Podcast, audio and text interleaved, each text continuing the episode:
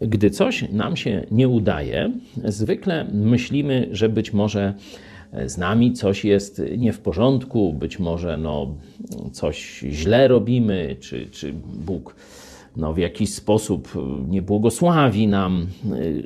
Owszem, tak może być i Biblia o tym wielokrotnie mówi, ale warto zwrócić uwagę, że nie jest tak zawsze. Znalazłem niedawno taki przykład w liście do Rzymian. Zobaczcie, apostoł Paweł na samym początku mówi o ogromnym pragnieniu, żeby przybyć do chrześcijan w Rzymie i tam jeszcze e, zdobyć nieco owocu, zachęcić ich, być z nimi, też głosić Ewangelię w tym no, centralnym dla ówczesnego świata mieście. Dziesiąty werset z pierwszego rozdziału. Zawsze w modlitwach moich prosząc, aby mi się wreszcie udało za wolą Bożą przyjść do Was. Zobaczcie, on nie tylko tego pragnie, ale on i się modli.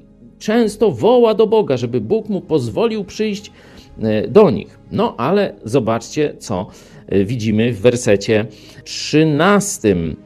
E, a nie chcę, bracia, abyście nie wiedzieli, że często zamierzałem przybyć do was, czyli powtarza się to, nie raz już miał te plany, a się nie udawały, aby i wśród was, podobnie jak wśród innych narodów, zebrać jakiś plon.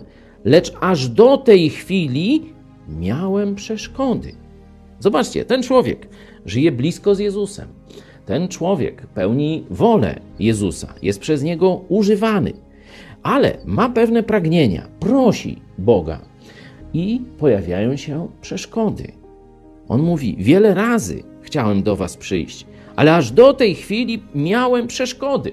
Patrzcie, ten Boży człowiek nie mógł czegoś zrobić, czego chciał, o czym marzył i co, jak wiemy, też było dobre to oznacza, że pewne rzeczy będą miały w naszym życiu swój czas. Że jeśli dziś nie możesz spełnić swoich marzeń, celów, planów Bożych, to wcale nie znaczy, że one się Bogu nie podobają.